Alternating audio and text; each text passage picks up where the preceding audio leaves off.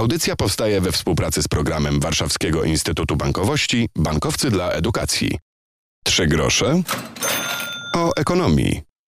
Dzień dobry, Piotr Topuliński. Ostatnio rozmawialiśmy o inflacji, o stopach procentowych. Już teraz polecam Wam podcast Trzy grosze o ekonomii. Sprawdźcie w ulubionych aplikacjach z podcastami. Nasze rozmowy z ekspertami myślę, że są to tematy ważne, o których jeszcze będziemy mówili w najbliższych audycjach. Zachęcam do tego, by dowiedzieć się więcej na temat tych zjawisk, bo niestety uderzają one w nas mocno widocznie i próbujemy jakoś e, te zjawiska zwalczyć, również jeśli chodzi o kwestie naszej edukacji. www.bankiwpolsce.pl i ukośnik inflacja. Polecam również ten adres tam. Podstawowe wyjaśnienia różnych pojęć, o których często się mówi w mediach, a nie zawsze wiemy o co z tym wszystkim chodzi. Dzisiejszy temat to praca. Rozmawialiśmy podczas niedawnej konferencji Praca 4.0 Nowa normalność w nowej rzeczywistości o tym, co się już zmieniło i jeszcze będzie zmieniało na rynku pracy. A tutaj mamy takie tematy jak zmiany w podejściu do przywództwa, kobiety na rynku pracy, czy większa otwartość firm na to, co cudzysłów nieznane. Posłuchajcie, co na temat tego wydarzenia mieli do powiedzenia eksperci Anna Wicha, prezeska Polskiego Forum HR, Henryka Bochniarz, przewodnicząca Rady Głównej Konfederacji Lewiatan oraz mecenas Robert Lisicki, dyrektor Departamentu Pracy w Konfederacji Lewiatan. Do tej pory byliśmy wychowywani w takim duchu, że to pracodawca ma nam dostarczyć szkolenie, że to szkoła ma nas nauczyć. W tej chwili taka idea e, lifelong learningu, czyli uczenia się przez całe życie, oznacza, że tutaj nie ma właściciela z zewnątrz. Tutaj my sami musimy być odpowiedzialni za to, czego się nauczymy, dopasować się do tego, jakich zmian, jakie kompetencje będą nam potrzebne do tego, żeby rozwijać nasze kariery zawodowe. Idzie czas na kobiety, na, na ich sposób E, budowania relacji, na ich empatię, porozumienie, na to wszystko, na szukanie kompromisu. Więc myślę, że panowie będą się musieli wielu rzeczy od kobiet nauczyć, a one mają w tym już całkiem niezłe doświadczenie, w tym nowym przywództwie, które dopiero się tworzy. Z okresem pandemii kilka zmian oczekujących przed nami związanych z wdrożeniem prawa unijnego. Kwestia przeanalizowania, co zafunkcjonowało w prawie pracy, co wymaga poprawienia, czego byśmy oczekiwali jako środowisko przedsiębiorców. A to przy okazji Lewiatan publikował ostatnio raport o słabościach naszego rynku pracy. Wśród takich punktów, które wymieniają eksperci, są m.in. deficyt pracowników, starzenie się społeczeństwa, słabość edukacji i brak wsparcia kształcenia ustawicznego. To wszystko są wyzwania, do których będziemy jeszcze powracali. Pracodawcy, pracownicy zebrani na tej konferencji mogli przy okazji dowiedzieć się, jak to jest założyć nowy biznes można było się przekonać e, na przykładzie wirtualnego biznesu, jakie są nasze realne kompetencje. Zostało zadane również takie pytanie: jak rzucić pracę i założyć własną firmę? Wojciech Pitura, prezes zarządu i trener w Rewas, był jedną z osób, które prowadziły warsztaty, podczas których musimy podjąć decyzję dotyczącą nazwy firmy, dotyczącą misji firmy, wskazania usług, które chcielibyśmy świadczyć, dokonania prognozy popytu na te usługi.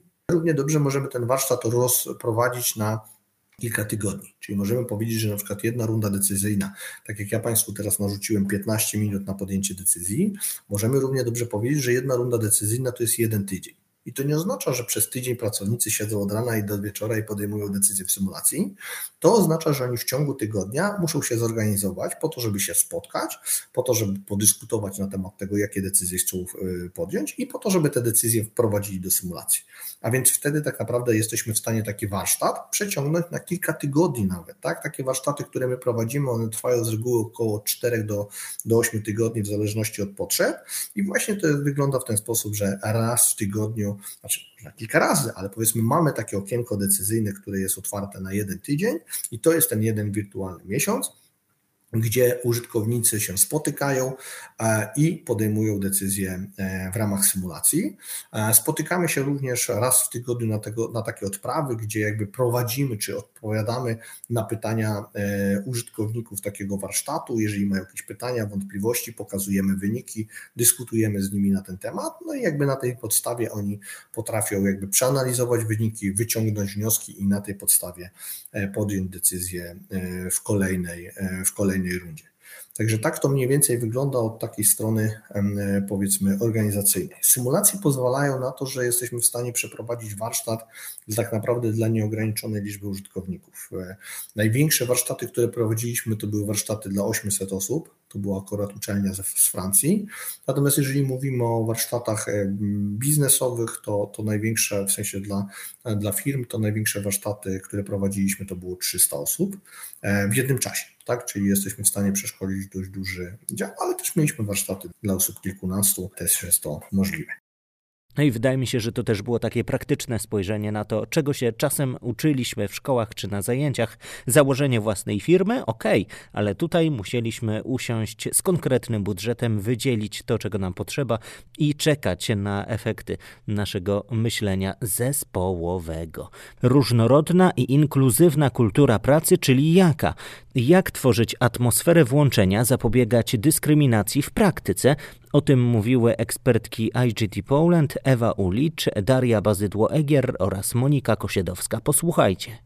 My edukując się wewnętrznie i przypominając sobie, przypominając sobie, że jesteśmy różni, nie patrzymy na mapę, nie patrzymy na to, że ktoś jest z Singapuru, ktoś jest z Warszawy, a ktoś jest z Honolulu, tylko patrzymy na to, że tych cech, którymi między sobą możemy się różnić, jest naprawdę cała masa. I to nie są tylko te podstawowe, które nam się wydaje na pierwszy rzut oka, czyli że y, ktoś jest mężczyzną, ktoś jest kobietą, a ktoś w ogóle nie chce zdefiniować swojej płci, y, ktoś pracuje na, w danej firmie od roku i tak naprawdę jest świeżo po studiach, a ktoś inny już się zbliża do emerytury i jest to emerytura skandynawska, czyli ma 70 parę lat tylko tych cech, którymi się różnimy, jest cała masa. To może być też nasza, nasza osobowość, nasz styl e, komunikacji, to jak zarządzamy swoją przestrzenią w pracy, to jak kooperujemy z innymi. Więc warto sobie w ramach działań edukacyjnych przypominać o tym, że tych cech, które nas różnią, jest cała masa. I to, do czego Państwa zachęcam i to, do czego będą nawiązywać koleżanki w dalszej części, to to, żeby nie stawiać murów, i nie traktować tego, że różnimy się między sobą do izolowania. Czyli żeby zadbać o to, żeby ta różnorodność nie prowadziła do dyskryminacji i żeby różnorodność nie prowadziła do mobbingu, z tego względu, że boimy się w cudzysłowie innych. To, co e, jest dla mnie istotne, to jest to, że zarządzam zespołami wielokulturowymi. Szczególnie teraz, kiedy działam właśnie w branży IT, w której pracuje bardzo zróżnicowana grupa o różnym wykształceniu, o różnym podejściu do pracy. Mm, a że zależy mi, bo też jestem rozliczania z KPI, jestem, w takim razie zależy mi na tym, żeby te grupy pracowały bardzo efektywnie i też przy bardzo dobrych relacjach, które też powodują to, że te że zespoły pracują bardzo dobrze ze sobą, to właśnie tutaj spotykam się z tematyką, e, z tematyką, która jest związana z różnorodnością i inkluzywnością. Oba aspekty, zarówno różnorodność, jak i inkluzywność, są ważne, ponieważ e, tak naprawdę różnorodność bez włączenia może skutkować e, taką toksyczną kulturą, a z kolei włączenie bez różnorodności może sprawić, że firma popadnie w stagnację i po prostu stanie się mało kreatywna. Obecnie firmy zaczynają się bardziej koncentrować na różnorodności, ale niestety wiele z nich zupełnie nie bierze pod uwagę właśnie tego elementu układanki, jakim jest inkluzywność. A tak naprawdę bez skoordynowanych wysiłków na rzecz zarówno integracji, e, jak i różnorodności, pracownicy będą czuli się nie na miejscu, będą czuli, że nie mają wsparcia od organizacji.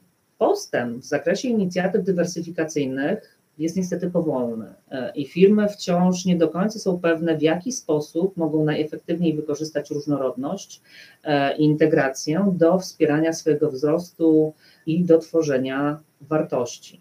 Wróćmy zatem do definicji różnorodnego, inkluzywnego miejsca pracy, ale takiego miejsca pracy, które sprzyja włączeniu społecznemu i charakteryzuje się pozytywnym odbiorem przez pracowników takiego miejsca pracy, które eliminuje wszelkie e, przejawy uprzedzeń, wszelkie przejawy dyskryminacji i nierównych szans. I właśnie tutaj najczęściej pojawiają się problemy, ponieważ e, wiele firm nie radzi sobie zupełnie z odmiennością.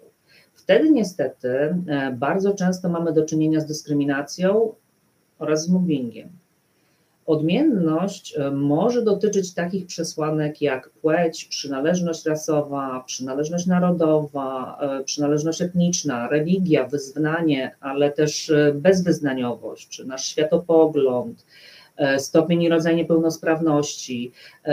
Tych przesłanek dyskryminacyjnych jest naprawdę, naprawdę dużo. To może być też status rodzinny czy styl życia. Najczęściej jednak dyskryminuje się pracowników ze względu na wiek oraz płeć. Ale biorąc pod uwagę obecną sytuację pandemii, e, coraz bardziej zauważalnym problemem e, staje się forma pełnienia obowiązków, a mianowicie to, czy pracujemy w biurze, czy pracujemy zdalnie. Otwartość na cudzoziemców to jedno z wyzwań, o których mówili eksperci podczas konferencji Praca 4.0 wśród innych obszarów. Podatki w zatrudnieniu, tutaj się przecież dużo zmienia, to tym bardziej dynamiczne zagadnienie, skuteczny HR w dobie ekonomii umiejętności czy zmiany w kodeksie pracy, o tym rozmawiali eksperci. Zachęcam do zaglądania do materiałów, które powstały po tej konferencji. Praca40.pl to strona, na którą na koniec audycji odsyłam. Trzy grosze o ekonomii to nasz podcast podcast zachęcam. Za tydzień będziemy rozmawiali o wspomnianym dziś jednym słowie ageizmie, czyli dyskryminacji ze względu na wiek, o osobach od nas starszych, a także o nas samych. Porozmawiamy z ekspertami. W najbliższym czasie też kolejne audycje poświęcone inflacji i stopom procentowym. Wszystko to, co już było w programie, w podcaście Trzy grosze o ekonomii. Piotr Topuliński, do usłyszenia.